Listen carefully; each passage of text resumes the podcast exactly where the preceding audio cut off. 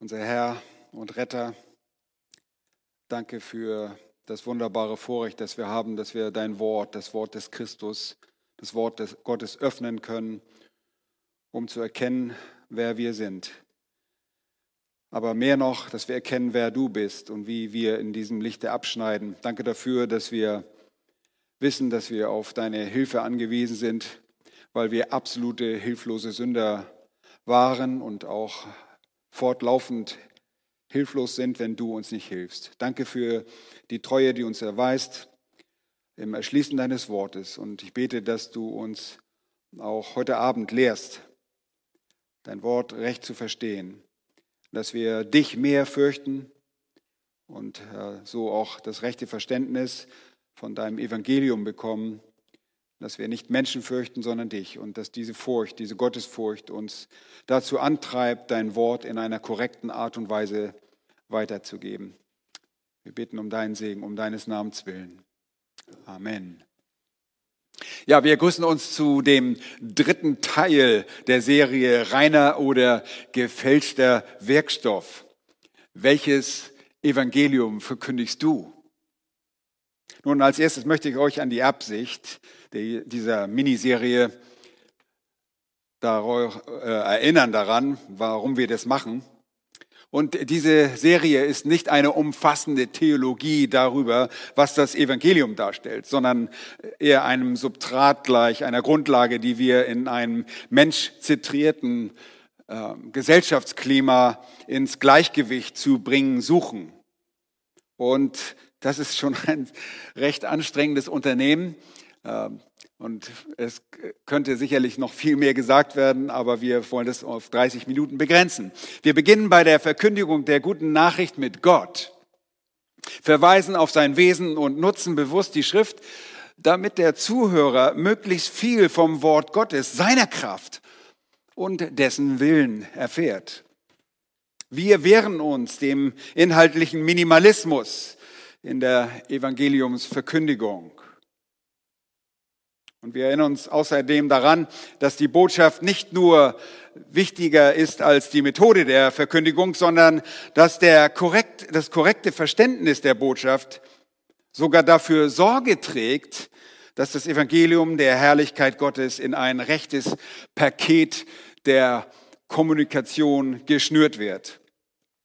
Wir haben in dieser Miniserie einen theozentrischen Schwerpunkt setzen wollen.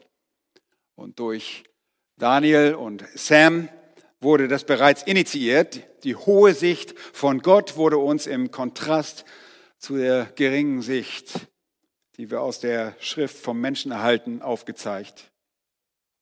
Eine Schwerpunkt Korrektur im Lichte der Schrift ist nötig, weil die aus dem Lot gelaufene Annehmbarmachung der Botschaft eine riesige Gefahr heutzutage darstellt.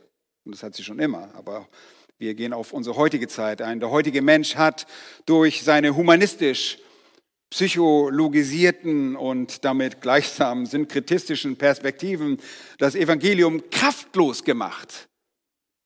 Diese Art der Zusammensetzung des Evangeliums macht es als Wirkstoff gegen die Gott entehrende Sünde der Menschen untauglich und führt ins Verderben.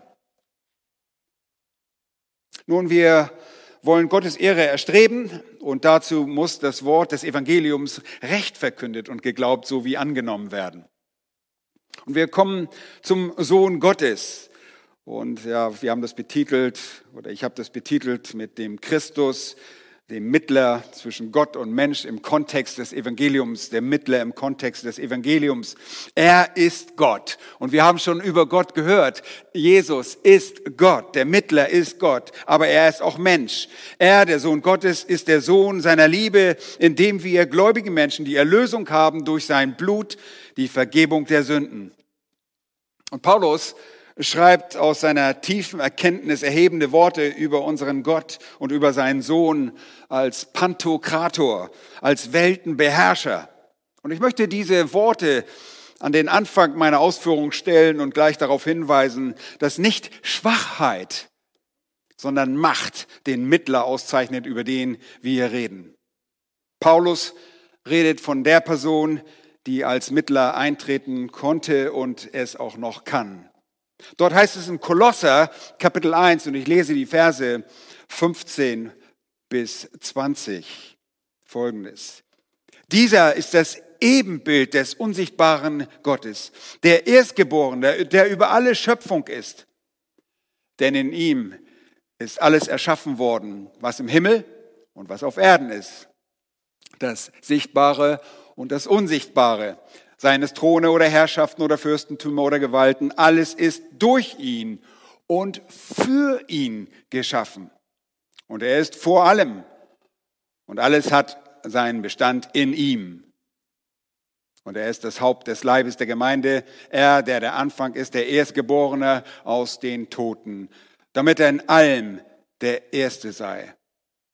Denn es gefiel Gott, in ihm alle Fülle wohnen zu lassen und durch ihn alles mit sich selbst zu versöhnen, indem er Frieden machte durch das Blut seines Kreuzes, durch ihn, sowohl was auf Erden als auch was im Himmel ist. Soweit der Text. Wir sehen als drittes das Ziel der Schöpfung das Ziel der Schöpfung, und dieser Text hat es auch deutlich gemacht, alles wurde durch ihn und für wen? Wir müssen auf die Personalpronomen achten, nicht für mich, sondern für ihn geschaffen. Der Mensch als Geschöpf sollte über die irdische Schöpfung dieses mächtigen Weltherrschers herrschen. Das wird schon deutlich auf den ersten Seiten der Schrift im ersten Buch Mose, Kapitel 1, Verse 26 und 28. Aber er verwirkte diesen Auftrag und er, durch die Sünde der Übertretung verfehlte er in diesen gottehrenden Auftrag. Und die Wiederherstellung sollte das Ziel sein, das offenbart die Schrift, denn das wird geschehen. Aber zunächst haben wir viertens das Dilemma von Eden das Dilemma im Paradies. Der Mensch konnte nicht mehr ehren und musste sogar das Paradies verlassen. Und die ganze Schöpfung geriet unter den Fluch der Sünde und es war dem Menschen nicht mehr möglich, mit einem heiligen Gott zu verkehren. Der Umgang wurde durch die Kluft der Sünde verbaut und seine Sünde führte ihn und die ganze Menschheit in den geistlichen und physischen Tod. Welch ein schreckliches Dilemma. Ungerechtigkeit machte sich breit und uferte aus. So ungeheuerlich, dass Gott den Menschen durch Wasser ertränkte bis auf acht Seelen. Aber auch nach der Flut nimmt die Geschichte der Sünde ihren schrecklichen Lauf und wir haben von Sam gehört, wer wir in den Augen Gottes wirklich sind, wie verdorben wir sind.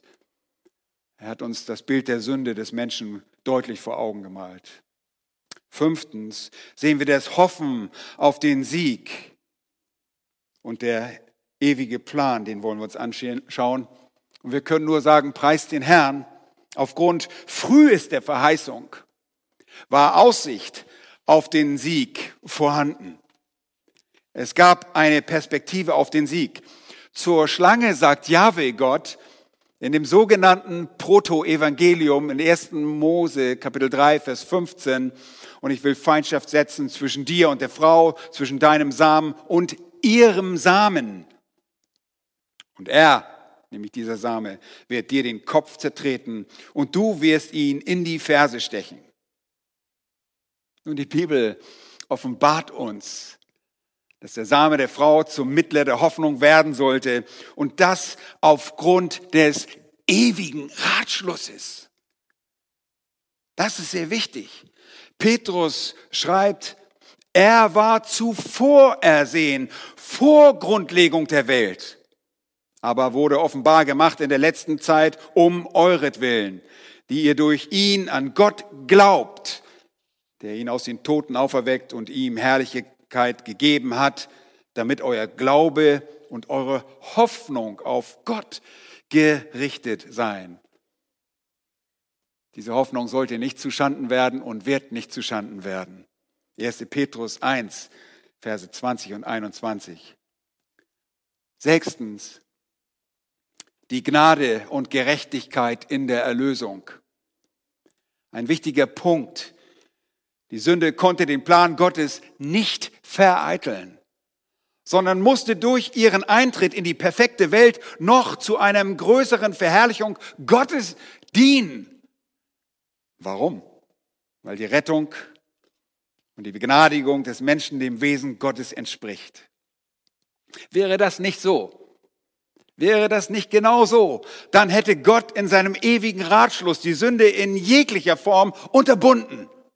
Er hätte sie niemals in die Welt kommen lassen. Aber er ist gnädiger und barmherziger Gott. Und das müsst ihr immer betonen. In jeder Evangelisation, bei jeder Verkündigung des Wortes verkündigen wir die Barmherzigkeit, aber nicht ausschließlich damit ihr nicht in eine einseitige Gott liebt dich Theologie abdriftet. Gott ist gerecht. Er ist barmherzig und er ist gerecht und er fordert Gerechtigkeit.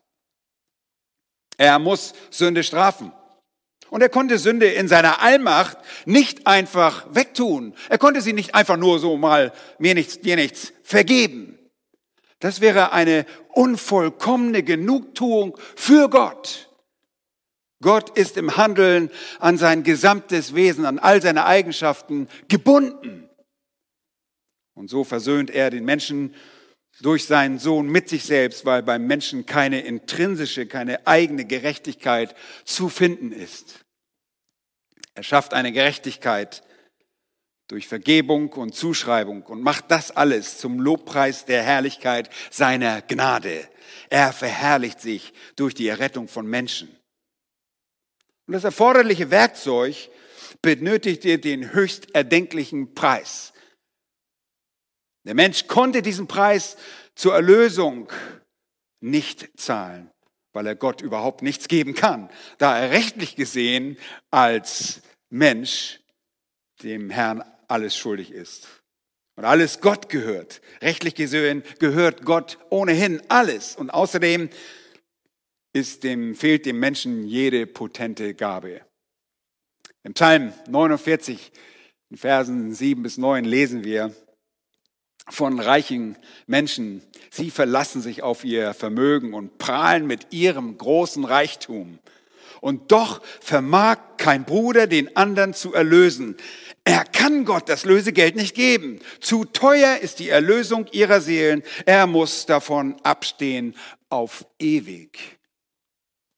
Und Paulus schreibt vom Herrn Jesus in seinem ersten Brief an Timotheus in Kapitel 2 und Vers 5 und 6a, da heißt es, denn es ist ein Gott und ein Mittler zwischen Gott und den Menschen, der Mensch Christus Jesus, der sich selbst als Lösegeld für alle gegeben hat.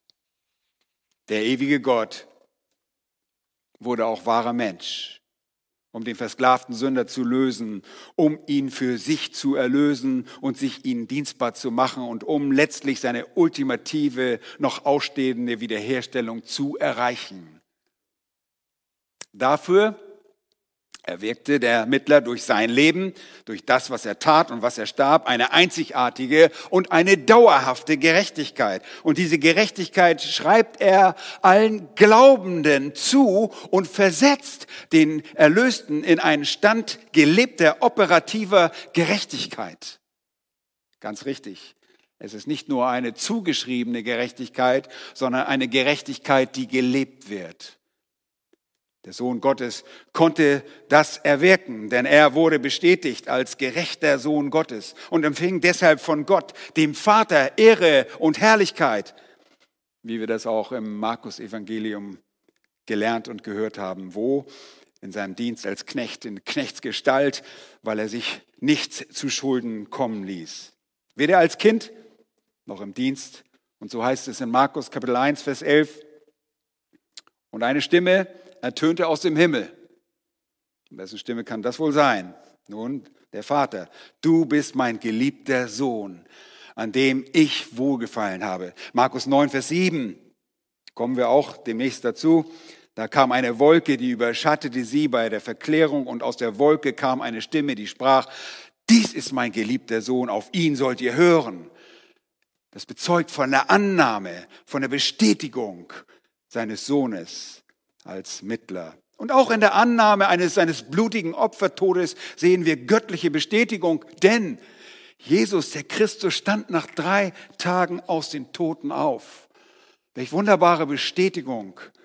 Er wurde auferweckt vom Vater. Eine Bestätigung sondergleichen. Er, der Gerechte, starb für die Ungerechten und der Vater hat den, der von keiner Sünde wusste, für uns zur Sünde gemacht, damit wir in ihm zur Gerechtigkeit Gottes würden. Es gibt Gerechtigkeit bei Gott. Es gibt nicht nur eine bloße Vergebung. Durch den Glauben an diesen stellvertretenden Tod wird dem Sünder vergeben und die vom Mittler erwirkte Gerechtigkeit dem Sünder zum einen zugeschrieben, sodass der wir sofort und augenblicklich der, äh, der Stellung nach Geheiligte sind. Diese Gerechtigkeit aber ist nicht nur Zuschreibung, sondern sie ist Einverleibung. Sie führt immer zu einem geheiligten Lebensstil, denn er ist durch die Erlösung ein neuer Mensch, durch den Glauben allein. Und der Sünder wird zum Gerechten, er wird gerecht gesprochen und als Gerechter lebend erfunden wenn auch nicht perfekt. Aber dafür haben wir einen Mittler. Und das wird umschrieben mit Fürsprecher. Wir haben einen, einen Anwalt, einen Advokat, Jesus Christus, der beim Vater sitzt und vertritt. Und die Frage, ob man Jesus als Herrn annehmen muss, das ist eine Frage, die sich schon so mancher gestellt hat, wenn man zum Glauben kommt, weist ein riesiges Problem auf. Warum? weil man Jesus nur als den annehmen kann, der, als den, der er ist. Er ist Herr. Er wird überall in der Schrift als Herr bezeichnet. Sollen wir etwas von Jesus abtun, damit wir ihn annehmen können, nur als ein Erlöser? Das gibt es einfach gar nicht. Siebtens, der Zorn, der zum Frieden wird. Der Zorn der Strafe. Der Zorn, den Gott aufgrund der Sünde besaß und immer noch besitzt über alle Gottlosigkeit, trifft den Sohn in seinem Gericht für alle, die ihm vertrauen. Und die in der Zukunft erlösten Israeliten, und das wird es geben, kollektiv, am Ende der Trübsalzeit, werden auf das Ereignis am Kreuz sehen und sie werden singen. Sie werden das Evangelium singen und in Jesaja 53, die Verse 4 bis 6 heißt es, wir aber hielten für ihn für bestraft. Das sollten wir mal singen. Von Gott geschlagen und niedergebeugt. Doch er wurde um unserer Übertretung willen durchbohrt, wegen unserer Missetaten zerschlagen. Die Strafe lag auf ihm, damit wir Frieden hätten. Und durch seine Wunden sind wir geheilt worden. Wir alle gingen in die Ehre wie Schafe jeder wandte sich auf seinen Weg, aber Jahwe, der Vater in diesem Fall, warf unser aller Schuld auf ihn. Der Zorn wird abgewendet, der Gerechtigkeit wird Genugtuung getan. Der perfekte Sohn stirbt stellvertretend für die an ihn glaubenden Sünder am Kreuz auf Golgatha schenkt dir ein neues Leben, so dass wir jetzt nicht mehr uns selbst leben, sondern den, der für uns gestorben ist. Dieser geliebte Sohn ist der Christus und von dem die Schrift spricht, der Messias der Juden, der Christus aller Jünger aus den Nationen. Und das Wort Messias kommt aus dem Hebräischen und Christus aus dem Griechischen bedeutet der Gesalbte. Achtens, Christus der Gesalbte. Und vielleicht erinnert ihr euch daran, Jesus kommt nach Nazareth in die Synagoge und er öffnet die Schriftrolle, die Jesaja-Schriftrolle, denn sie wurde ihm gereicht. Und da heißt es im Lukas Kapitel 4, Vers 17, und als er die Schriftrolle aufgerollt hatte, fand er die Stelle, wo geschrieben steht, der Geist des Herrn ist auf mir und er hat mich gesalbt, weil er mich gesalbt hat, den Armen frohe Botschaft zu verkündigen. Er hat mich gesandt zu heilen, die zerbrochenen Herzen sind, Gefangenen Befreiung zu verkünden und den Blinden, dass sie wieder sehend werden, Zerschlagenen Freiheit zu setzen, um zu verkündigen das angenehme Ja des Herrn. Und ihr wisst, der Herr legte danach die Schriftrolle wieder zusammen, rollte sie zusammen, gab sie dem Synagogendiener wieder und er setzten sich und alle Augen in der Synagoge waren jetzt auf ihn gerichtet. Er aber fing an, ihn zu sagen, heute ist diese Schrift erfüllt vor euren Ohren. Er ist der Gesalbte, er wurde gesalbt. Der Herr, Gott, Vater hat ihn gesalbt. Er ist der von Gott gesalbte Mittler, der Erlöser, der geliebte Sohn. Und ich habe schon primär seinen priesterlichen Dienst angesprochen, aber er wurde gesalbt und eingesetzt, wie im Alten Testament Propheten gesalbt wurden, wie Priester gesalbt wurden und wie Könige gesalbt wurden. Christus vereint diese drei Funktionen und Ämter in einer Person. Als Mittler war und ist er am Wirken in einer prophetischen, in einer priesterlichen und in einer königlichen Rolle, die nicht nur eine Rolle ist, sondern sein Wesen ausmacht. Er ist der redende Gott, der belehrende, der sich aufopfernde Gott Mensch und der herrschende König. Und ich kann diese Dinge nur ganz flüchtig ansprechen, ohne da einen Riesenspagat zu machen. Aber schon in der Präinkarnation, äh, das heißt in der Phase seines Lebens vor, den, vor der Fleischwerdung, war er bereits prophetisch in den sogenannten Sohneserscheinungen aktiv. Und wir kennen dies als die sogenannten Christophanien, das sind im weiteren Sinn Theophanien, weil Gott erschienen ist. Wir glauben, dass die zweite Person als Bote, als Engel des Herrn gewirkt hat. Und in der Phase vor seiner Menschwendung war er auch priesterlich belehrend und wurde schließlich durch seinen Tod und durch die Auferstehung zum hohen Priester, zum Mittler beim Vater, Fürsprecher und regiert auf dem Thron Gottes. Und dieser Thron wird auch auf Erden stehen in seinem Reich und in Ewigkeit und seine Herrschaft hat kein Ende. Sie wird nicht enden. Wir sagten euch, dass es äußerst wichtig ist, dass Gott bei der Verkündigung des Evangeliums im Mittelpunkt stehen muss. Er, Jesus, ist Gott. Er ist Jahwe. Er ist Herr, er ist Messias, ist Christus und er ist Mittler. Und ich habe euch gesagt, dass der Umgang der Menschen mit Gott unmöglich war aufgrund ihrer Sünde. Er ist der, der in die Bresche gesprungen ist. Und er konnte aufgrund der Annahme seiner menschlichen Natur Mittler werden zwischen Gott und Mensch. Und das aufgrund der Einzigartigkeit seiner Person. Hiob spricht davon, von einem Mittler, der einzigartig sein muss. Und das ist er, er ist der Eingeborene. Monogenes spricht von seiner Einzigartigkeit. Christus ist der Sprecher Gottes als Prophet. Das ist das der erste Punkt unter acht. Christus ist Sprecher Gottes. Vielleicht erinnert ihr euch an die bekannten Worte aus dem äh, fünften Buch Mose, Kapitel 18, als Mose dort spricht und sagt, ein Propheten wie mich wird dir Jahwe, dein Gott, erwecken, als er zum Volk spricht, aus deiner Mitte, aus deinen Brüdern, auf ihn sollt ihr hören. Er wird reden, er ist ein Sprecher für den Vater, für Gott. Er ist Gott und er redet für Gott.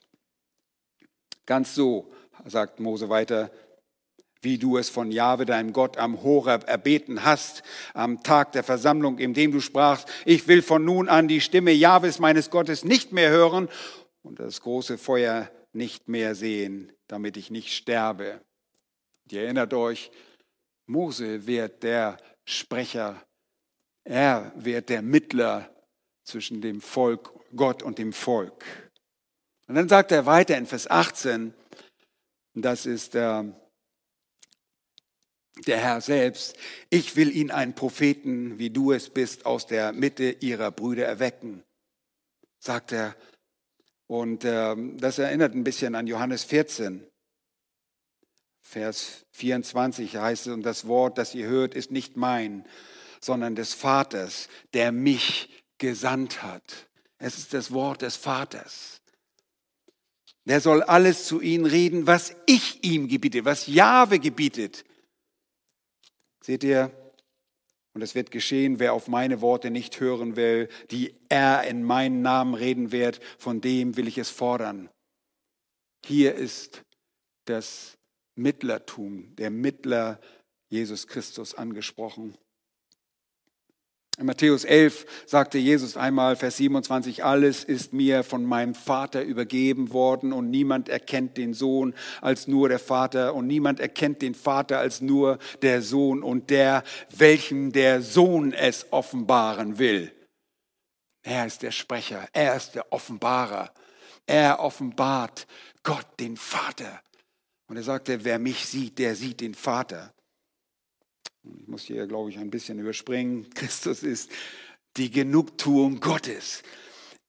Er ist priesterlich tätig. Und in Hebräer 7 und Vers 11 heißt es, wenn nun durch das levitische Priestertum die Vollkommenheit gekommen wäre, und das ist sie nicht, dann unter diesen, denn unter diesem hat das Volk das Gesetz empfangen. Wozu wäre es noch nötig, dass ein anderer Priester nach der Weise Melchisedeks auftritt?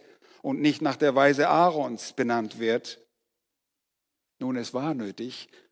Und in Hebräer 8 lesen wir weiter, denn jeder hohe Priester wird eingesetzt, Vers 3, um Gaben und Opfer darzubringen. Daher muss auch dieser etwas haben, was er darbringen kann.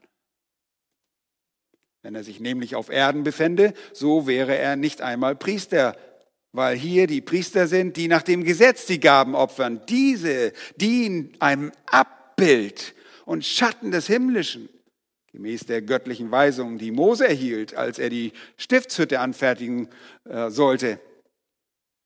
Achte darauf, heißt es nämlich, dass du alles nach dem Vorbild machst, das dir auf dem Berg gezeigt worden ist. Jesus Christus, der Mittler eines neuen, besseren Bundes. Nun aber hat er in einem umso erhaberner Dienst erlangt, als er auch der Mittler eines besseren Bundes ist, der aufgrund von besseren Verheißungen festgesetzt wurde. Er ist dieser hohe Priester, er ist priesterlich tätig und hat sich selbst geopfert, ein für allemal. Ihn hat Gott zum Sühnopfer bestimmt. Und dieses Sühnopfer war wirksam durch den Glauben an sein Blut um seine Gerechtigkeit zu erweisen, weil er die Sünden ungestraft ließ, die zuvor geschehen waren. Als Gott Zurückhaltung übte durch das ganze Alte Testament, die alttestamentlichen Heiligen wurden nicht gestraft, die Sünden wurden nicht gestraft.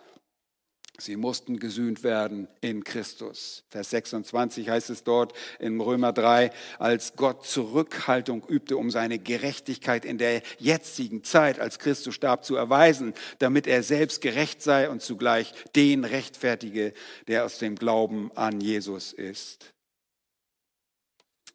Nun, das letzte ist, Christus ist Herrscher, König.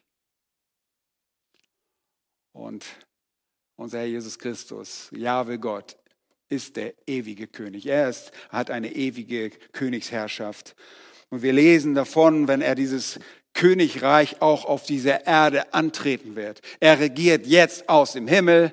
Er regiert jetzt in unseren Herzen. Er hat Wohnung genommen durch den Geist in unseren Herzen. Aber eines Tages wird er offenkundig dieser Erde, auf dieser reformierten, aber nicht neuen Erde, wird er herrschen tausend Jahre lang. Nachzulesen in Sacharja Kapitel 14. Und ich nehme ein paar Verse einfach nur kurz heraus. Da heißt es, Jahwe wird König sein über die ganze Erde. Achtet mal drauf, Jahwe wird König sein. Jesus ist Jahwe. An jenem Tag wird Jahwe der Einzige sein und sein Name der Einzige. Und dann wissen wir auch, dass äh, er kommen wird in Macht und Herrlichkeit. Ähm, Offenbarung Kapitel 19 spricht davon und in Kapitel 20 sehen wir seine tausendjährige Herrschaft, nachdem dann auch das ewige Reich kommt und er regieren wird. Er ist der König der Ewigkeit, sagt 1. Timotheus 1, Vers 17, bezieht sich auch auf Jahwe. Und im Psalm 29, Vers 10 bis 11 heißt es, Jahwe thront über der Wasserflut. Ja, Jahwe thront als König in Ewigkeit. Jahwe wird sein Volk Kraft verleihen. Jahwe wird sein Volk segnen mit Frieden. Diesen Jesus, diesen Mittler, müssen wir verkündigen. Nicht als jemanden, der alles für mich geschaffen hat, sondern für den alles geschaffen wurde. In ihm sollte die ganze Fülle der Gottheit leibhaftig wohnen. In ihm ist die, die Fülle. Jesus Christus herrscht als König. Alles wird ihm untertänig. Alles legt ihm Gott zu Fuß. Alle Zungen soll bekennen, Jesus sei der Herr zu nennen, dem man Ehre geben muss. Keine Option. Du musst dich beugen vor diesem Herrn. Das erkannte Philipp Friedrich Hiller schon früh, in Anfang der 1700er Jahre, als er dieses Lied schrieb, diesen wunderbaren ähm, Kehrreim, der immer wieder kommt. Jesus Christus herrscht als König. Da heißt es, Fürstentümer und Gewalte, Mächte, die die Ton, Thronwacht halten, geben ihm die Herrlichkeit. Alle Herrschaft dort im Himmel, hier im irdischen Getümmel, ist zu seinem Dienst bereit. Das Evangelium ist ein Evangelium zur Verkündigung der Ehre Gottes, und zwar der Ehre des Sohnes und des Vaters und des Geistes. Wir ehren Gott. Es ist nicht das Evangelium, das mir etwas bringt, das primär, das Gott liebt mich Evangelium, sondern es ist das Barmherzigkeitsevangelium, das auch eine Gerechtigkeit fordert. Gott ist der Gott der Gerechtigkeit. Und ich weiß nicht, was ihr mit euren Uhren immer macht, aber meine Zeit ist abgelaufen und den Rest nehmen wir in den nächsten Mittwoch hinein. Wir werden uns dort mit dem Ruf, mit dem Evangeliumsruf beschäftigen und hoffentlich ein bisschen praktischer werden können. Ähm, ist nicht so einfach, dieses alles auf einem, ähm, in einem Thema so äh, zusammenzuschreiben. Aber nächste Woche wollen wir den Evangeliumsruf, wie gehen wir an Menschen heran, wie verkündigen wir das Evangelium, ein bisschen Apologetik einfließen lassen, äh, damit wir verstehen, wie das vor sich geht. Lade ich euch jetzt schon dazu ein. Lasst uns zusammen beten. Oh, unser geliebter Herr Jesus Christus, du bist der erhabene Gott. Du bist nicht ein schwächliches Baby, du bist nicht der Schwache, der in Knechtsgestalt gekommen ist. Selbst da warst du nicht schwach, sondern du hast dich nur gedemütigt. Du hast dich gedemütigt, um deine Ziele zu erreichen. Unsere Erlösung. Herr, danke, dass du uns erkauft hast mit deinem eigenen Blut, dass du ans Kreuz gegangen bist, und uns eine Gerechtigkeit erwirkt hat, die nicht unsere eigene ist. Wir haben und besitzen keine eigene.